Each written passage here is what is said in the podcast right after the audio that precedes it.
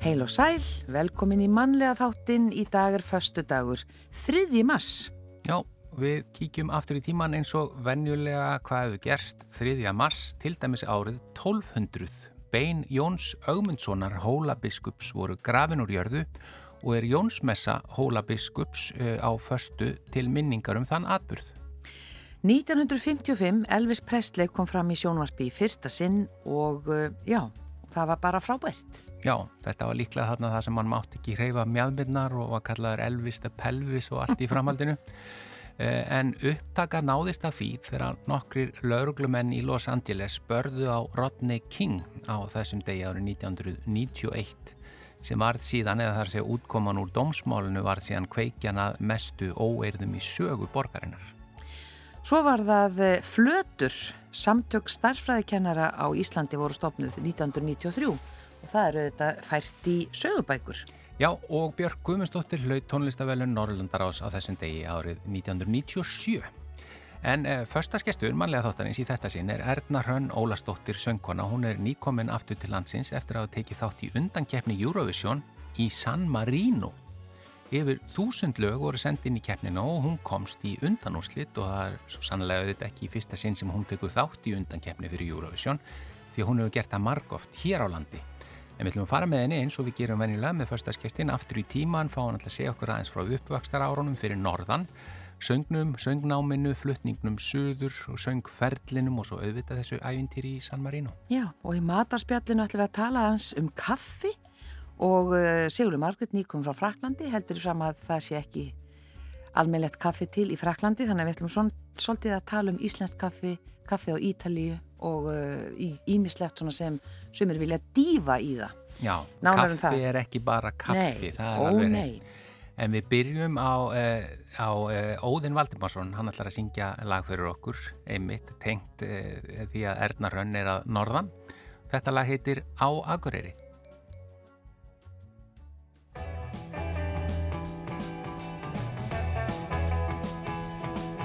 Á Akureyri, Akureyri sefur fólk ein rót þó komi sétin blá nót á gömlu góðu Akureyri þar maður skeður sem margar gleður. Þegar kvölda fer kondu eftir þá með mér? Á gömlu góðu Akureyri tra tra la la la la la tra tra la la la la la tra tra la la la la la la En mamma gamla horfir á með mikilli áhyggjur. Líkið teltu koll Hlaupandi niður á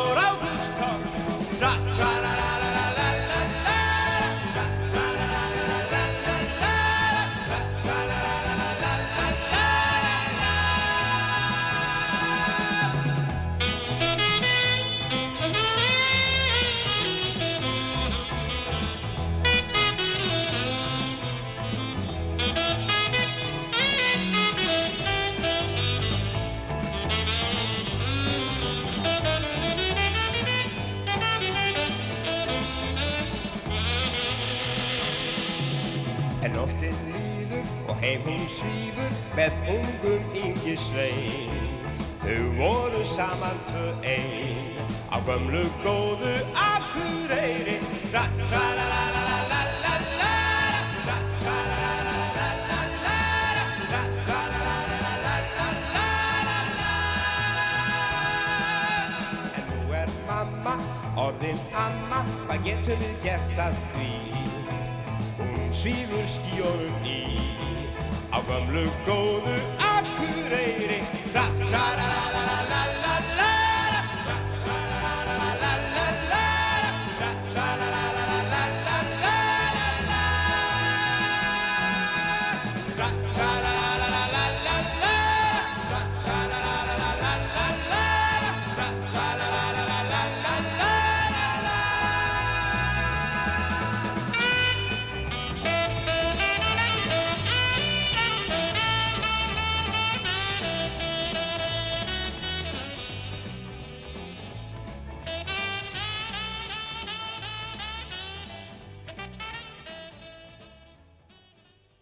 Já, þetta var uh, lagið á Akureyri uh, og það er Óðinn Valdimarsson sem að samti, uh, flutti og bæði lag og texta, já.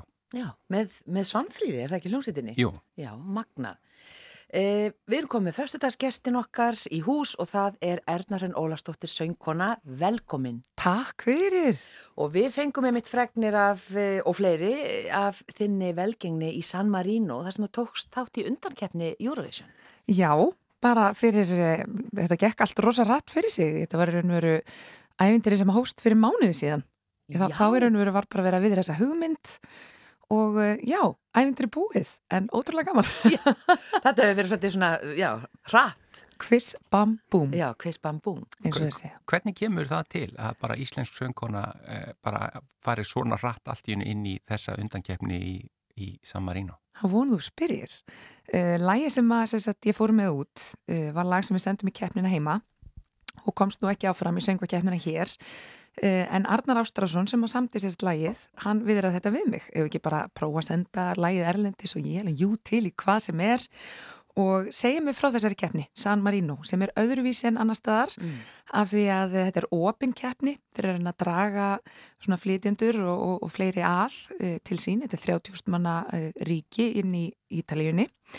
Og e, það eru búin að vera sérst opnar pröfur hjá þeim síðan í oktober og 1100 manns sem að sérst sótust eftir að komast í þessa keppni Uh, já, við sérst sendum inn lægið, ég fær svo bara að vita uh, fimm dögum síðar að við séum komin áfram og ég fyrir að fara í, í áhörnapröfur til aðtökurt að segja eitthvað viti mér sem fronti, þannig ég fyrir þarna út, uh, fyrir í, í þessar pröfur, uh, fæ þar fregni svo að ég sé komin áfram, tek þátt í semi-final, við erum sérst 1100 í upphafi, 106 sem að komast í gegn og uh, svo eru það 22 í uh, úrslitunum. Ég komst nú reyndar ekki þangað en uh, nokkuð góður árangur samt sem aður. Mm. Já, finnst mér, af 1100? Já. Já, það verði ég að segja. Það er bara, og ævintýrið sem þessu fylgdi var náttúrulega ólýsan, ólýsanlegt. Já. Hvað, hérna, þið þurfum náttúrulega að koma ykkur á staðin, svona hvernig kom San Marino bara, já, ykkur fyrir sjónir? Er þetta Óbóðslega, óbóðslega fallegt. Og ég hafði einhvern veginn ímyndað mér að þetta væri við strönd og þetta væri hérna, en það var í mínið sem við stoppuðum á, það er hérna gamli íslenski saumalegu staðurinn Já. Við fórum þanga og svo þurftum við að fara sko, með, með leigubill inn í San Marino og við fórum hann lengst upp í, upp í fjöllin og, og gistum á æðislega hóteli. Þannig að útsýni okkar var bara á hverju mótni þá bara opna maður uh, gardinnar og The hills are alive. Það var bara stórkast. Ég kom, ég kom með þannig tveisar. Þetta er alveg sjúklega fallegu staður sko. en þetta er í rauninni bara klettur. Já. Þannig að þetta er bara svona virki upp á kletti. Mhm. Mm Magna. Já, ekki nema hvað séru, 30.000 sem 30 búa. 30.000 sem búa. Þarna. Þarna á þessum stað. Já. Og bara mikla minjar og, og mikil saga og maður er einhvern veginn svona svolítið áþreifanlega saga mm. og, og svona fallegt að vera þarna. Hvað hérna, svona hvernig gera þeir þessa keppni? Heyrðu, hún er nú svolítið öðru sem okkar, eins og ég sagði eitthvað með pröfunar, þeir sést eh, eru svolítið reyna að draga fólk að og það voru þrjá, sést fólk frá 37 þjóðum sem að hérna, tóku þátt í, í upphafi Þeir gera þetta þannig að þeir að uh, maður þarf að mæta á staðin og þetta er svona heil dagur sem frí þetta. Ég, ég hlustaði á fyrirlestara hjá tveimur mjög flottum uh, ítölskum tónlistamönnum uh, sem hafa verið viðlónir sést, á Ítali og einn annar er í 50 ár, bara stó, stór, stórt nafn sem ég kynntist mjög vel og var mjög flott að kall. Fyldist með sést, fyrirlesturum hjá þeim, reyndar á ítölsku en var með, það var annað keppandi sem þýtti í eirað á mér, þannig að það var svolítið upplifun. Uh, svo bara fekk ég mitt spott, þarna, tíu mítuna spott, þar sem ég flytt uh, tvö lög. Og þá eru það þessi tveir menn sem að hérna, ég var búin að hitta og, og voru með fyrirlestina, þeir sérst uh, ákvæðu svo hvort um að komst áfram með rey og svo sérst að vinsaðir úr og þarna minkaðir úr þessum stóra fjölda niður í hann að 106 og svo sérst semifænalinn er þannig að þá sérst að byrjaði að snemma deginum og þeir svona hólfa niður. Þannig að það voru 27 í mínu hóli sem að keftu, þetta var svolítið færi band. Maður bara, heitan Erna frá Íslandi. Ég söng og bara af sviðinu og svo var það næsti og svo var það næsti og þeir sést útbúa svona lítinn sjónvarsþátt í kringum þetta. Uh, svo var það fjóri sem að komast áfram og það var sést tilkynnt í, í endan þannig að uh, þetta var já, þetta er svolítið meira færi band. Þetta var, uh, ég myndi segja, hér heima þá er þetta nú fagmannlegra á þann hátta að hérna eins og bara backstage, uh, allt svona til fyrirmyndar hér og svona miklu meira gert úr því.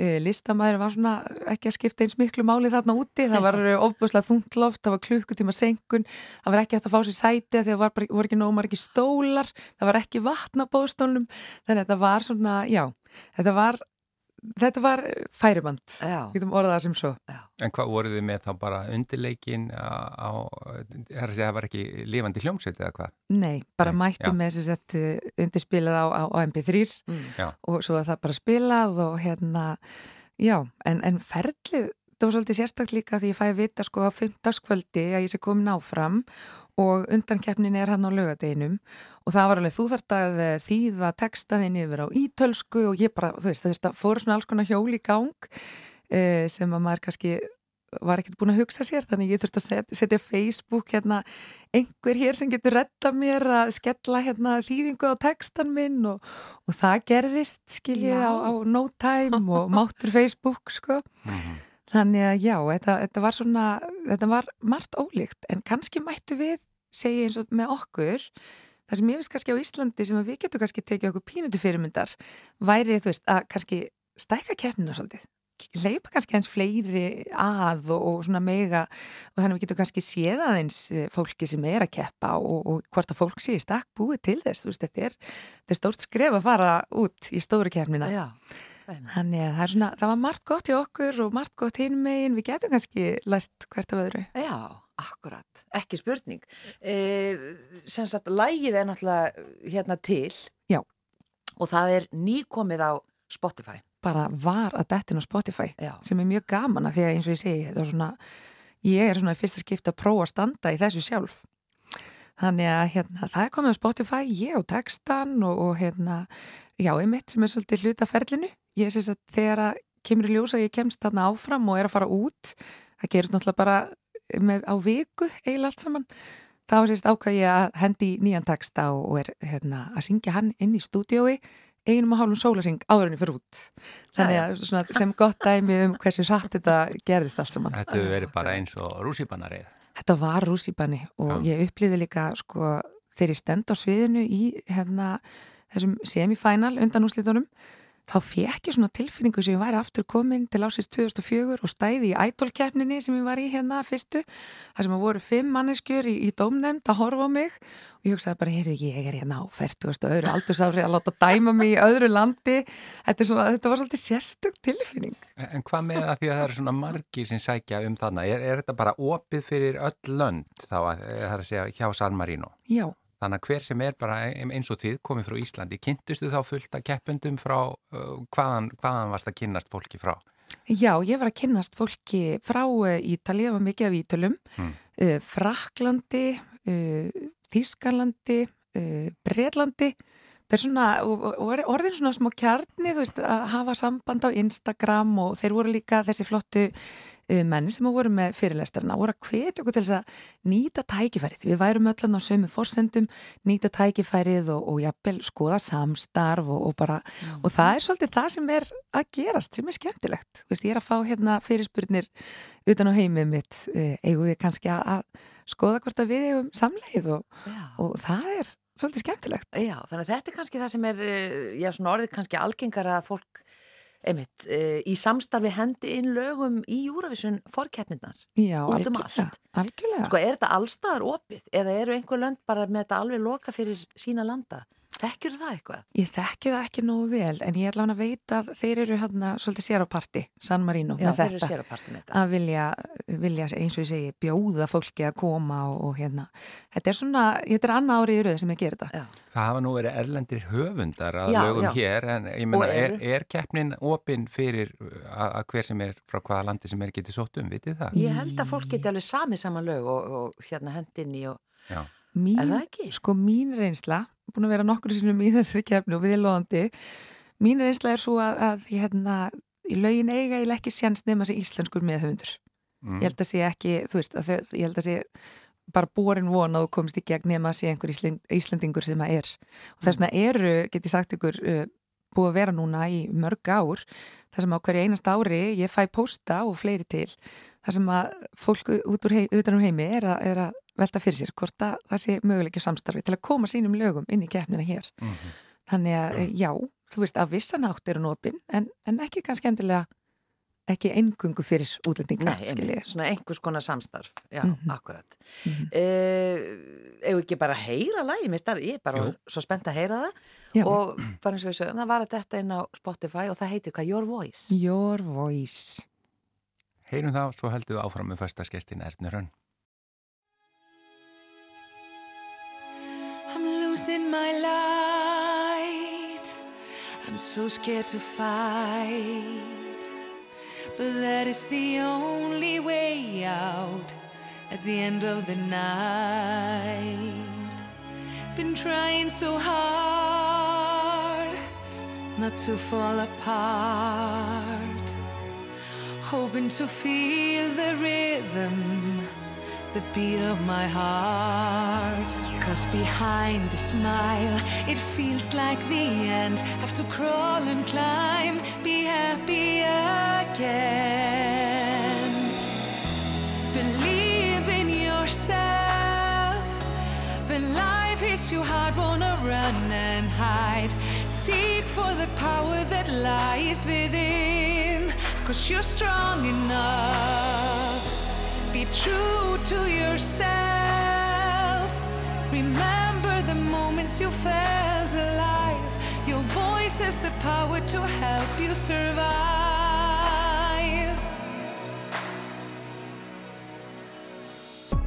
It's time to move on. Let go of what's gone. Follow the voice inside you and sing your own song. A star, from afar. You will shine even brighter if you love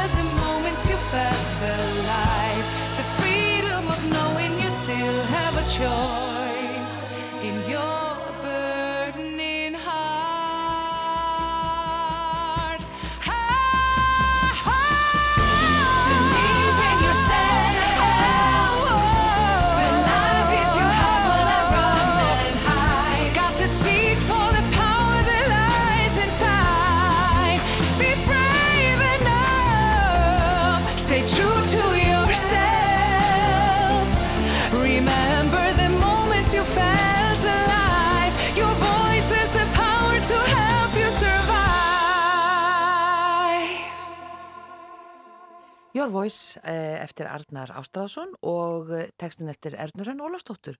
Og Ernurönn er hérna hjá okkur fyrstudagsgesturinn og eins og við heyrðum hér eh, nýkomin frá San Marino þar sem hún kefti í forkeppninni fyrir Eurovision á samt fleirum og, og bara komst í semi-final eins og það heitir.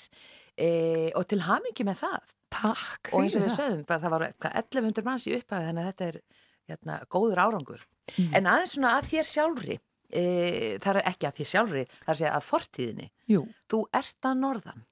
Já, ég fæðist á Akureyri 1981 og þegar ég er þryggjara þá flytt ég inn á Hrafnagil sem að jólahúsið er svona gott kennileiti sko. Akkurat. og uh, ólst þar upp í sveitinu og var í Hrafnagil skóla Já, fer svo í mentaskólan á Akureyri fæ ég reyndar að vera þar á heimavist þó séu einungis tíu kilometrar á milli já fekk dreifbílistyrk og allt En, en hvernig var að vera inn á Hrafnagili svona að alast upp? Var þetta ekki bara dásanlegt? algjörlega dásamlegt, uh, mikið frelsi og uh, þarna voru við krakkarnir út að leika á kvöldin og, og hérna bara eins og ég segi, það er ekki hægt að lýsa, lýsa þessum forréttundum að alast upp í sveit. Já, Og, og varstu segir í Hrafnagilskóla? Já. Þannig að þú bara þurftir ekkit að fara neitt í skólan. Það bara, neitt. bara, hann var á staðinu. Hann var á stanum, ég gekk í skólan og það tók mig kannski tíu mínútur max, sjö, sjö mínútur á góðan degi. já. og svona fjölskyldan, hvað var mamma og pappi að gera þarna til dæmis? Voru þau að vinna þarna í Nei, reyndar stað? ekki, sko, ekki til að byrja með en hérna, mamma fór svo í ímestörf var að vinna á kristnesi Mm. Við aðlýningu og uh, var hérna að þrýfa, þrýfa grunnskólan og, og var svona dattinn í alls konar svoleiðstörf en pappi er rafvirki og var að vinna inn á Akureyri svo stutt að fara Mhm. þannig að hérna þannig að í raun og verið tengdust við kannski ekkert endilega neinu í sveitinni Nei. ég veit ekki hva, hvað eiginlega var til þess að við fórum þarna inn eftir en, en vissulega gott skref Akkurat. uh, og svo þegar ég sést er í mentaskólinum uh, þá flytið þau inn á Akureyri Mm. þannig að, uh, já Og þú átt bróður sem er líka í tónlistinni. það passar Jens Ólafsson, Jenny Brain Police Já. hann er svona, já, mín, eina mínu fyrirmyndum mikill rockari, Já, heldur betur. heldur betur þannig að hérna, og svo er yngri bróður minn að tromma, Nú, þannig að við erum hérna tónlistasískinni. já, hvaðan kemur það? Ég segja sér frá ömmu og afa sem að byggja á Húsavík. Þau voru bæði í kórum, maður hérna, ég var mikið hjá þeim og maður vaknaði á mótnana þar sem þau voru að syngja með eh, messunni Já, og amma er rosa flottu sóbrann og afi tenór þannig að hérna, ég held að það komi lóðbeint þaðan frá ömmu og afa. já. Eh, Mikill fjársjóður þar. Og varst þú farin að syngja bara strax? Já, ég sést ákveð þryggjára og kemur yfirlýsingu að ég ætla að verða leik og sönguna.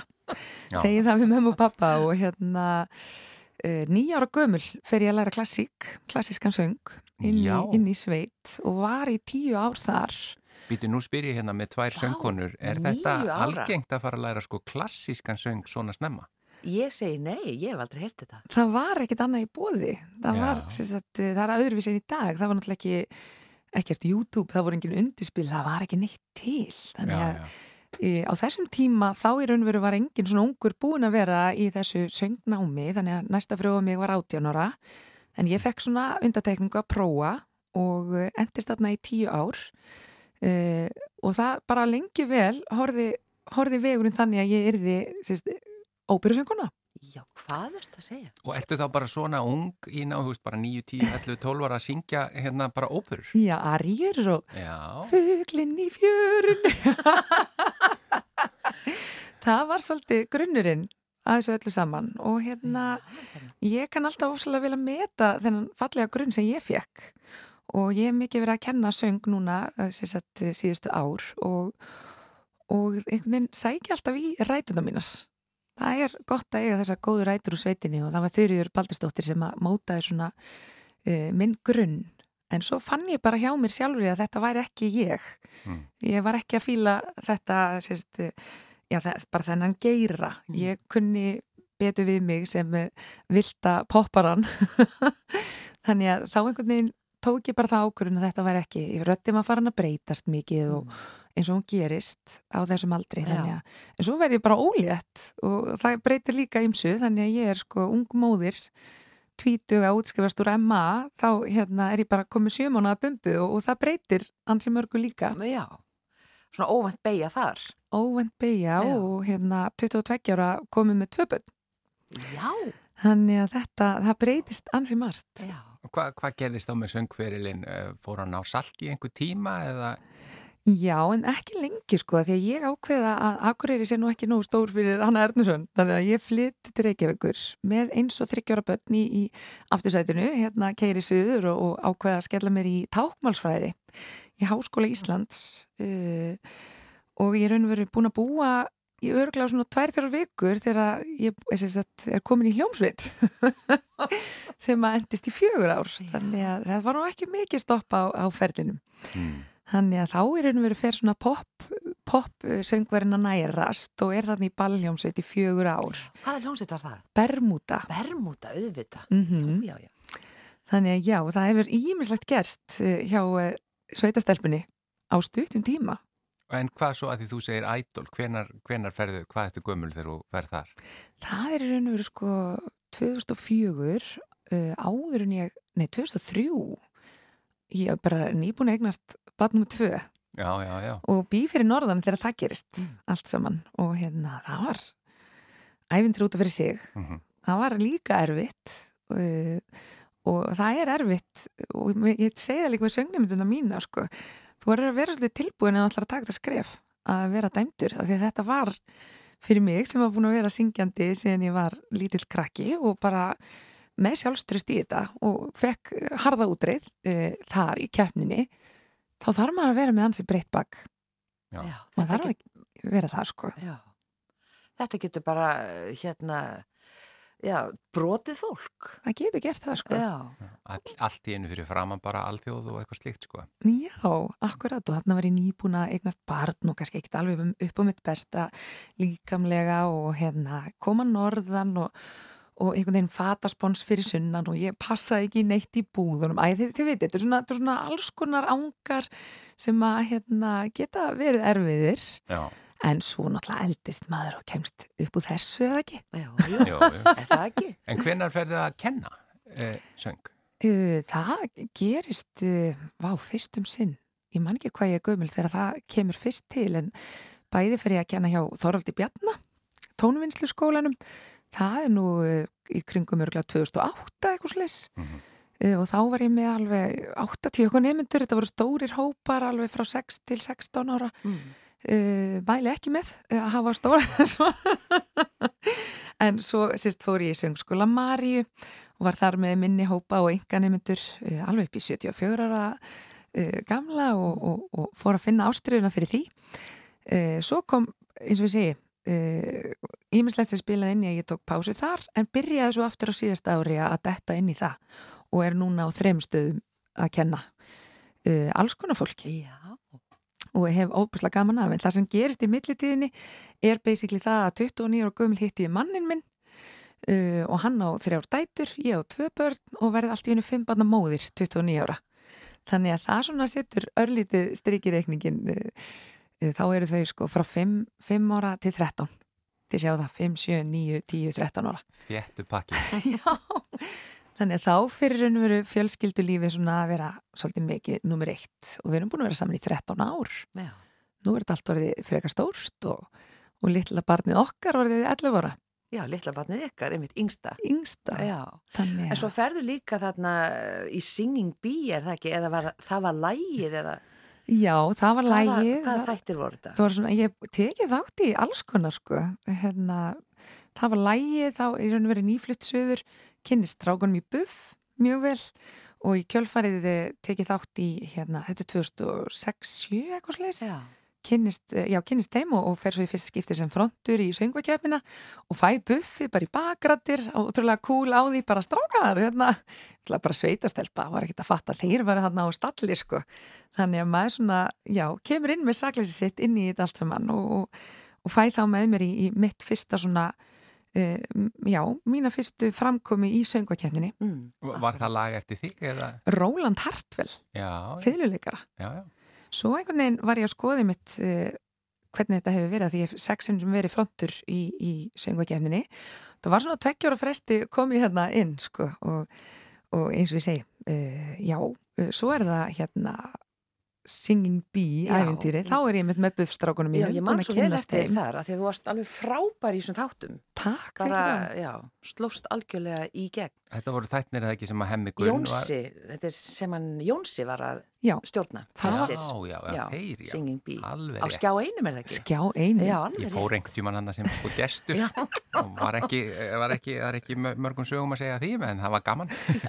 Já, akkurat, þannig að þú veist, þetta er svona fyndið að horfa söguna, hérna kynnist í strákurum í buff í, hérna, það var lægi hjá hemma í mitt, Mm. Já, dregða það- með mér í söngvakefnina og svo sagt, bjóða þeir mér að vera með sér í, í Singing Bee, þannig að það er svolítið magna hvernig eh, lífi spilast og maður er einhvern veginn, og þeir eru bara mínir bestu vinnir í dag, Já. þannig að einhvern veginn, já, ég, ég er svo þakklátt fyrir öll þessi tækifæri og er náttúrulega búin að vera í bakgrötum mest megnis eh, frá því ég flytt hérna söður Mm. og, eh, og hefur svona verið mitt aðaldjobb í raun og veru. Það er opaslega gaman. Það er svo gaman eins og þú þekkir sjálf. Alveg, það er bara skemmtilegasta. að að ratta og þegar maður heyri rattir, skilur við, að geta komið þeim frá sér og, hérna, og, og, og í raun og veru fengið tækifæri í leiðinni að vinna með nánast flestum tónlistamönnum á Íslandi, hvort sem Mm. það er í stúdiói eða á sviði Já. Og uh, í öllum þessum tributesjóum, eh, hjá riggviðburðum og allt þetta, þannig að Óteljandi, alveg reynd. En svona, hvað svona gerði þessi keppni fyrir þig? Bara rétt ára við byrjum þá sagður mér þetta að þú væri búin að vera á miljón þessa viku síðan þú komst heim. Akkurat. Já, frá San Marino. Já, frá San Marino. Hvað, hérna, bara vilja allir spjalla og, eða, já, segja okkur bara svona hvað er að gerast hjá þér í dag. Já, það er bara mikil, einmitt, forvitni og, og hérna, ég upplifa svona pínu kaplaskill og mér finnst svona einhvern veginn að því nú er ég búin að tala um mjög oft. Já, komin tíma á sólóferilinn sko, já, nú fer maður að taka sólóferilinn í gang og allt þetta. En uh, mér finnst svona einhvern veginn uh, eins og í fyrsta skipti segi ég bara algjörlega tilbúin í þetta skref. Bara fara að stíga svolítið fram og, og hérna og finna svolítið og lefa fólki að heyra hver erðnarhraun er. Þannig að já, ég myndi segja bara að uh, nú er tíminn til þess að, að stíga áfram. Mm. Og allir einhvern veginn, eða, já, í mínu liði bara og, og svo tilbúinir ég að, vera með mér í þessum næstu skrifum. Ég meina, ég er að vera 42, Tína var þarna á sama, sama aldri að, að stíga sín svona What's Love Got To Do With It, Já, árin og allt Já, þetta. Tína. Þetta er, þetta er besti aldurinn. Ég segi bara til hamingi með þetta Erna og við bara hlökkum til að fylgjast með þér e, í framtíðinni, bara á næstunni. Ef ekki enda þetta á plötu, nei á lægi af soloplötunniðinni.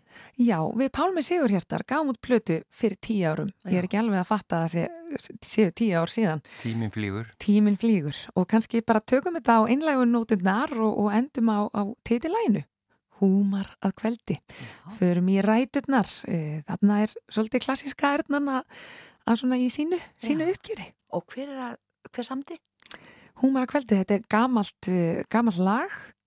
Man, vá, það er svo langt síðan, Já. ég man ekki alveg. Við komumst að því meðan lægi er í loftinu. Takk fyrir komuna og takk fyrir að vera festaskestur hjá okkur Erna Hrönn Ólafsdóttir. Takk fyrir mig. Húmar að kveldi hljóðnar dagsins ís.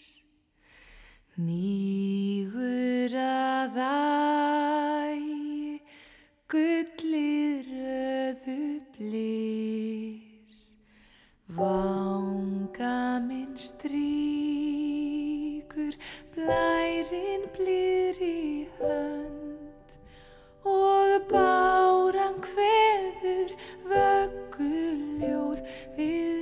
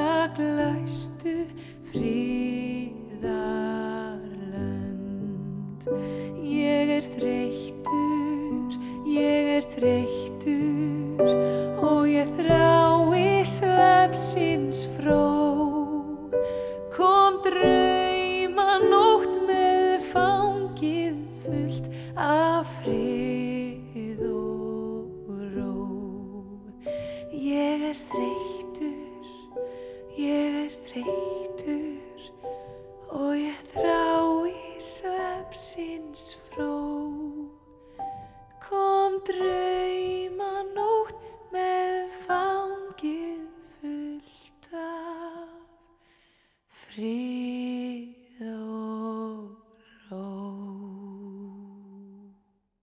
Já, þetta var förstaskesturinn okkar Erna Hrönn Ólastóttir að syngja lægið Húmar að kveldi og Pálmi Jóð Sigurhjartarsson spilaði með henni. Lægið er eftir Stephen C. Foster og textin eftir Jón frá Ljárskóum. En á meðan við erum að koma okkur fyrir, fyrir matarspjalli þar sem að verður rætt um kaffi. Þá er nú ekki úr vegi að heyra þetta lag Kaffi til Brasilíu. Þetta er Stefan Hilmarsson og Miljónamæringarnir.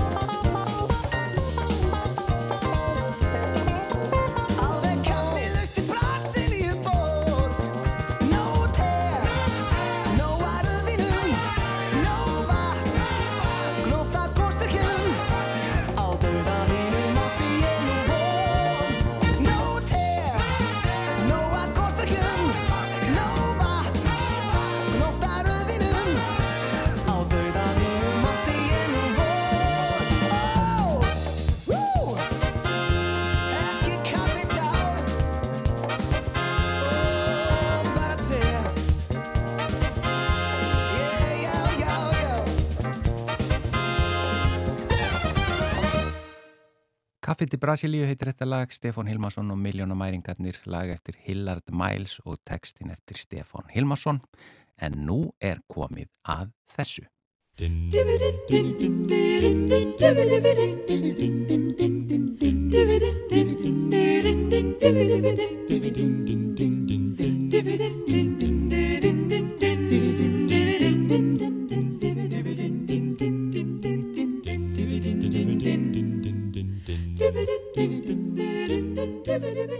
Já, þetta er auðvitað stef matar spjallsins og hingað er komin matarspjalls uh, eigum að segja drottningin Sigurlega Margret Jónasdóttir. takk, takk fyrir að bjóða mér, alltaf jafn indislegt að koma. Já, og var ekki gott, fór ekki vel um því í París í rannsóknarferðinni? Það var svolítið mikið að gera hjá mér til að þegar ég þurfti að rannsaka þetta alls saman en, en ég bara búin að kvíla mig.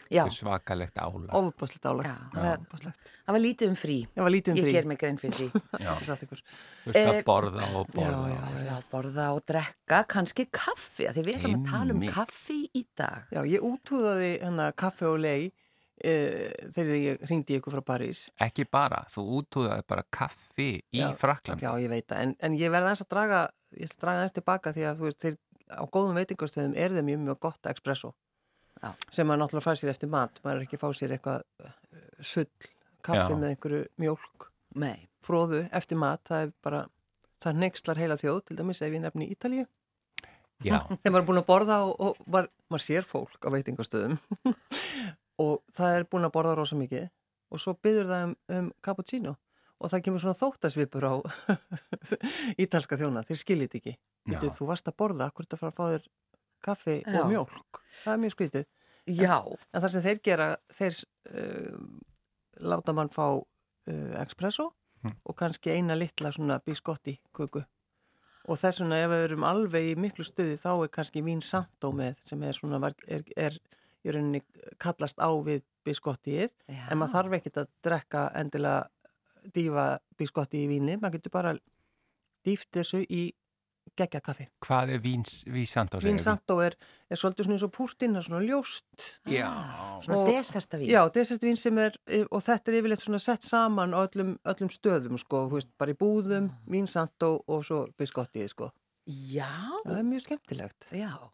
Og svona, já, svona kannski, þrjá, ég langar að segja 30%, það getur samt eiginlega ekki verið, það er ómikið. Þetta er rúkla bara svona eins og, eins og púrtín. já. Svona messuvín bara. Þetta er bara messuvín, Já. bara, ég er bara að byggast afsökunar að hafa borðað svo mikið.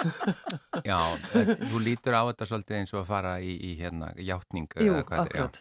Að skrifta. Já, Að að skrifta, skrifta, já. Akkurat. akkurat.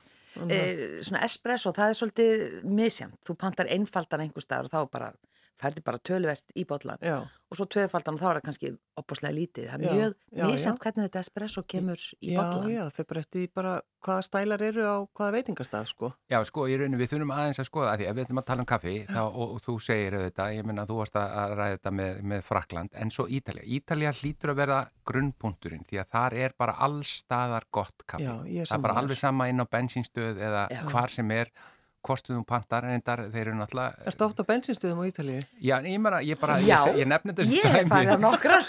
Já, því ég var að keira um Ítalju einsinni og, fó- og þá stoppaði ég stundum húst á bara hérna, Autobahna? Já, eitthvað svona 7-Eleven, eitthvað Já, þannig já. sko og þar var allstaðar bara besta kaffi í heiminum já. Mér finnst þið gera ótrúlega gott kaffi, sko. Já. Mér finnst þið bestir. og auðvitað eru Ítalir rosa hrifnir af bara, þú veist, annarkort hérna bara espresso eða þá hérna með bara svona smámjölk Já, Já, já, já. en það er ekkert komið mér eins mikið á óvart einmitt, ég keirði frá Róm Mm. e, fyrir, fyrir nokkrum árum og upp í svona eitthvað fjallaþorp og þetta tók þrjá klukkutíma og á leiðinni voru svona pínu litlar bensinstöðar sem svona letu ekki mikið yfir sér svo þegar þú komst inn að þær þá var búið að dúka upp svona bara tveir pínu litli stólar, dúkur á borði Þetta. og þú gast fengi espresso Já. og bara, þú veist, undirskál og allt bara mjög lekkert og þá er þetta bara svona svæði inn á þessari litlu bensinstöð Já. Þannig að þeir svona gera kaffinu mjög hátt undir höfði. Já, og ég meina þú ert að segja að, að það kemur svona þóttasvipur á það eða þú pantar einhver með mjölk út í Já, eftir mat Eftir En mati. Ég, ég og vini minni lendu í því sko að hérna að því að allavega þessir þjónar sem við lendum í, þeir voru ekki hrifnir að því að, að með morgunmat að drekka kaffi og e, appisínusafa saman. Þessu bara, nei, við afgreðum ykkur ekki með þetta. Nei, þetta Þetta fyrir ill í magan á okkur. Þessi blanda er bara ekki góð. Nei, og, þe- þessi blanda er bara dauði. já, og, og, og okkur fannst þú að því að þetta fær maður sér ofta appisínusafa með morgunmat og jafnvel kaffi líka og ég meina mjög víða nema þessi þjótt bara, nei, Nei, ég þetta ætla ekki og okkur fannst þetta svo fyndið og hérna, hann bara neitaði okkur hann enda var hann að hugsa um ok magan á okkur Já, ég veit það. Þetta þarf að vera réttir í röð. Já, akkurat. Já. já, já. já. En þú talar um biskotti. Mm Er það eitthvað sem þú myndir frekar dífa í kaffi? Kaffi? Ég er á hans og frönsk. Já. Eh, Kaffi. Já, hérna frekar dífa í kaffi heldur en til dæmis, eh, svona sem ég ger, ég dífi matarkeksi í kaffi. Já, akkurat. Sem er svona mitt íslenska biskotti. Já, það má segja að matarkeksi sé, Matarkex er sé hér íslenska biskotti. Megum við að kasta þessu fram? Já, ég held þessu fram, það er ekkert betra en að dífa mat og ég, sko, ég segi matarkeks frekar en mjölkukeks. Já, matarkeks. Það er ekki að sama. Nei, og svo þegar þú ert búin að, þá þarftu líka að nota, þá farið kaffi og með smá mjölk og, og rosalega miklum sigri og svo dýfur í og svo að þú gleymið þér, þá línast það og hverfur ofan í kaffi, það er eiginlega best. Já, það er svona móla Já, sko, það er engin sigur, en auðvitað gerir maður það þegar ég var tíu ára, Já, þá, já, ég, ég var sko að byrja að drekka kaffi þá. Já, Hva, Hvað meinar með engin sigur? Að engin sigur í kaffinu Ekki í dag, af því að það- sigur er í matakeksinu, sko. Ná. En það er svo rosalega sætt, en Já. það er eitthvað við það. Og ég, þú veist, í gamla daga, þegar, Rúna, þegar við vorum að eiga okkar börn, sko, þá, þá þótti það bara mjög eðlilegt að velta að gefa börnunum matarkeks. svo voru þið bara svona naga það og það var, var það svona brúnni drullu svo laga svona Svaka gott fyrir tennunar. Svo gott. Svakalega gott En að, en að bera saman biskotti og matakeks, ég veit ekki, ég held að fólk hafi fengið bara fyrir hjarta Nei, núna. þetta er náttúrulega, þetta er, Ég- þetta er ég- rosalegt sko Ég stend við það. Já. Þetta er okkar íslenska biskot. En svo fóru þeir eins að setja sko eitthvað helkviti einhver korn, Það var hræðilegt. það, var, það er hrikalegt sko aldrei borðað það. Sko. Nei, ég, Smakkaði það bara. einu sinni Já, og það var ekki fyrir mig. skirtið út á aðeins og holdt. En ég menna, talandi um sko að því það er misgott kaffi í, í löndum eins og Mm. ég held að auðvitað englendingar eru sko teg, drikkjufjóð Já, það er bara mjög erfitt að finna gott kaffi í Englandi, það bara er valla til.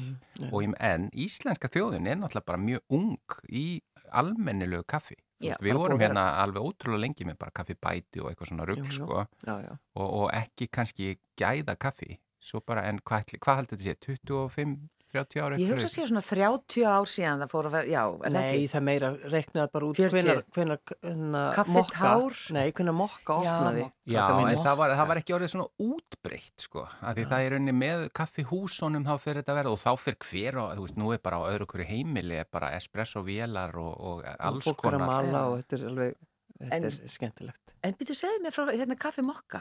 Já. Var það alltaf bara svona espresso, Já, ég meina gæða þeir fluttu inn þessa stórkoslegu vél og, og þetta var bara bylting og, og við getum þakkað eigandum kaffehúsins að hafa ekki hafa ekki sko mokað út innrýtingunum Já, og þetta kaffehús náttúrulega mokka opnar eh, 1958 þannig að við eh, reykingingar og bara íslendingar hafa drukkið gott, gott kaffi, síðan, kaffi síðan þá mm, í rauninni, Einmitt. þeir sem hafa mætt að ræða kunst og drekka kaffi. Já, og að ræða og rosa- kunst ræða kunst og fá sér kaffi og mokka Já, já. svo kvöldu kunstpása Já, kunstpása Ég misti alltaf að þessu kaffi mokka, ég náttúrulega eru kópóinum og það, við fórum aldrei nýri bæ. Nei, nei, Var þetta var kaffi í kópavóinu? Það var, það var, það var frekar þund á þessum árum. Mm. Og stundum bara ef maður kemur svona eitthvað uh, út fyrir bæinn, ég ætla ekki að vera með kakvart komdu með það. landsbyðinni, stundum þegar ég fyrir á land, þá fæ ég svo rosalega þund kaffi. Já, Sko, mér finnst sko- þetta best sko ég, að fá þannig það þund kaffi að maður sér bara í gegnum það Mm. og það er bara upplifun að drekka þannig kaffi, það er bara rosalega erfitt Já, og vond. Já, við skulum ekki vera að binda þetta við einhverja landsluta Nei, því að ég hef svo nefndu- sannlega fengið vond kaffi að- í Reykjavík ég man það ekki. Ég held sér bara típunar sem bara drekka svona og hella upp á svona þund Já, þetta kaffi. er stundum, sko, það sem ég er að meina er svona stundum á bensínstöðum. Já, Þegar maður er að fá sér kaffi og maður þarf að halda sér vakandi maður er að Já, keira. já, já, Það já. er það stundum svolítið þund. Sko, við erum komin og svo út á já, við erum á svo hálum í síðan. Getur þú kliftið út? Nei, við getum talað um eitt, eitt allan. Það, það, er, það er ein tegund af svona kaffi. Það er svona vinnustada uh, stopnana kaffi Já, veist, hérna, á spítalanum, á landspítalanum Já, þú veist, dæmis. í svona vélum sem að ofbúslega margir þurfa að nota. Já, það er oft ekki nógu góð, uh, gott, góð gæði nei, í nei, því, sko. veit það. Er búið að standa lengi og það kemur svona moldarbræð. Já, það er nú eitt það er þessar uppáheldu könnur sem er á, á svona stórum stöðum en hitt eru þessar bara, þessar Já. hérna vélar sem að alveg sjúglega margir þurfa að nota Mhm. þá er eitthvað, það er einhver, einhver málamiðlun held ég í gæðum þar Já. Eh, Já. Það er kannski eðlilegt. já, já, það getur verið Já. Þú veist, ég meina, ég man eftir þegar ég byrjaði, þú veist, í þjóðleikursinu, þá, var- þá var samt svona uppáhellingar eitthvað. Það var eh, kannski litað að því að ég var svo nýbyrjaður að drekka kaffi, en þá var það að setja rosa mikla mjólk og mikinn síkur. að ég held að það hafi ekkert verið gott, það var bara vort kaffi, held ég alveg, sko. Nei, svo að mér finnst það svolítið leðilegt að, að maður hættur að drekka sko kaffi með smá mjölk og sigri eins og maður gerði þegar maður var lítill. Notar ekki mjölk? Nei, í rauninni ekki sko, ég finnst það bara best að hafa svart en það er bara svo, þetta er svo, þetta er svo góður tími þegar maður var að drekka, drekka kaffi. Amma Silla kendi mér að drekka kaffi, ég var svona fimm ára já. og já, já, mér fannst það alltaf Fimm rosa ára? gott og veist, vitið hvað hún gerði? Hún skar niður fransbröð Mm. í svona tenninga bara til þess að sína ykkur hvað ég fekk góða þjónustu Mm. og svo held hún kaffinu og, og sigur og mjölk svo tók ég brauðið setti það ofan í kaffið og, og ítti svona með teskeiðinni til þess að þjætta bollan Mm. svo borðaði ég þetta kaffisull sem það var kallað mm bara sem, þú veist þegar ég var svöng þú skrifaðir okkur, sagði þér að þú ætlaði að tala um kaffisull Já. og nú skil ég, já, þetta Já. var svo sannarlega En hugsið ykkur sko stundum, ah, vantar aðeins mér í sigur, þú veist, og, og ég er að hugsa sko hvaðan komið þetta ruglega kannski eitthvað sem mamma hefur bara fengið Já, sjálf. og svo reyndi ég einhvern tíman að gefa börnunum mínum þetta og þetta var bara eins og ég hefði, þú veist, þetta er bara eins og því ég reyndi að gefa þeim hæns spagetti í dós, þú veist, þetta er bara, þetta er bara barsins tíma. En það er bara, ég er bara átt að mig betur betur að það er svo skemmtilega mótsagnir í þér. Þú, þú ert þessi, gefur þið út fyrir að vera þessi heimsmanneskja sem er Mm. hérna, ofan ímislega flesta. Já, og bara er frekar snoppuð. Já, já, já, þú veist, þessna stakki upp á því að, að æfisaðin myndi heita fordómar úr fíletbeinsturni en hérna, en svo bara ertu með eitthvað svona í Ég, bakgrunni ég veit það, þetta er nú bara sem ég er með í bakpokkunum Og- sem ég fer að losa við. og þetta er mat, matakeks í kaffi og eitthvað svona Já, þetta er bara við ólumst upp við þetta við sérlega, við erum jæmt gamlar. og kjötfass og Þetta, allt bara, þetta. þetta þótti bara eðlilegt. Já, Að breyta niður matakeks og Já. setja í kaffi, en Já. ekki fransbröð. Nei, einmitt, já, þetta var fransbröð, Já. það var aldrei til matakeks hjá mig. Nei, einmitt. En eitt sem ég finnst óskiljanlegt og það er kaffi með fjörmjólk. Það er viðbjóður. Ég, ég myndi aldrei drekka það. Já, en nú er mjög margir farnir að nota til dæmis bara havramjólk eða sojamjólk og eitthvað svona, finnst ykkur það í- Jú, jú, ég nota það, hann yfirleitt ef ég er að flóa hana. Ég, ég, Já, þetta flóana þetta. Já. En, en bara rétt, hérna, hva- hvað er uppáhaldskaffið ykkar? Það er bara góður tvöfaldur cappuccino á mótnindags. Jep, ég er alveg samanlega. Já, Tvöfaldur cappuccino. Tvöfaldur cappuccino. Já, og þú fær bara eh, mjög gott kaffi á flestum kaffihúsum hérna Já, já, á Íslandi. já. Á kaffihúsum sko. ég vil aðalega ekki hafa kaffið hérna súrt. Nei, og ekki það, það, kallt. það er einhvað sem mér finnst ekki, nei, alls ekki kallt en mér finnst eiginlega best bara sko góður uppáhællingur sem að er úr góðri vél, þannig að þú veist Að vatni sjóði og Já. undan og eitthvað svona, já. Uh, og hérna, og það sé svolítið stert sko, en, en ég drekka alltaf svart Ég, ég treyst ekki svona uppáhalds, upp, svona Uppáhalds. uppbyllingavélum Mm. þar sem að vatni fyrir bara strax ofan í. Þú veist, það Já, síður ekki síður ekki neitt. Maður sér ekkert bobla, það bara legur hérna niður og ég treyst ekki þannig vélum. Nei. Nei. Hvernig kaffi er heima hjá okkur? Ég er bara með Mokkakanna? ítalskur, já, ég er bara með þessu Ítalska mokkakonna. Ég er með rosa góða uppáhællingakonnu sem síður vel, það er að segja sem hýtar vel vatnið Já, akkurat. Þetta er indislegt. Ég veit að hlustendur okkar eru mjög spenntir Já, að prófa kaffisullið um helgina. ég held að kaffisullið og svo kannski kúkakaffi sem ég gleymi að nefna. Já, akkurat.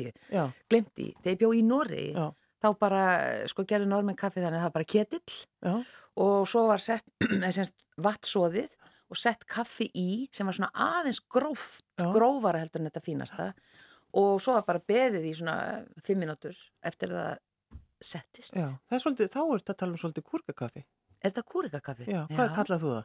Þetta hétt kúkekaffi. Kúke er náttúrulega að sjóða. ég, ég var einmitt allan tíma að sagði um kúkakaffi Nei, kúkekaffi. Kúkakaffi? Já, því ég held þú allar að fara að segja allt annars konar sögu því að margir fara, fara mjög fljótt á klósettið eftir fyrsta kaffibóla Já, einmitt. það var ekki það Gunnar, Nei, fyrir ekki eh, hérna, en það er förstu dagur og Sigurlega Margrét, hún far heiðurna því að hvaði okkar hlustendur hér í lokin gjörðu svo vel.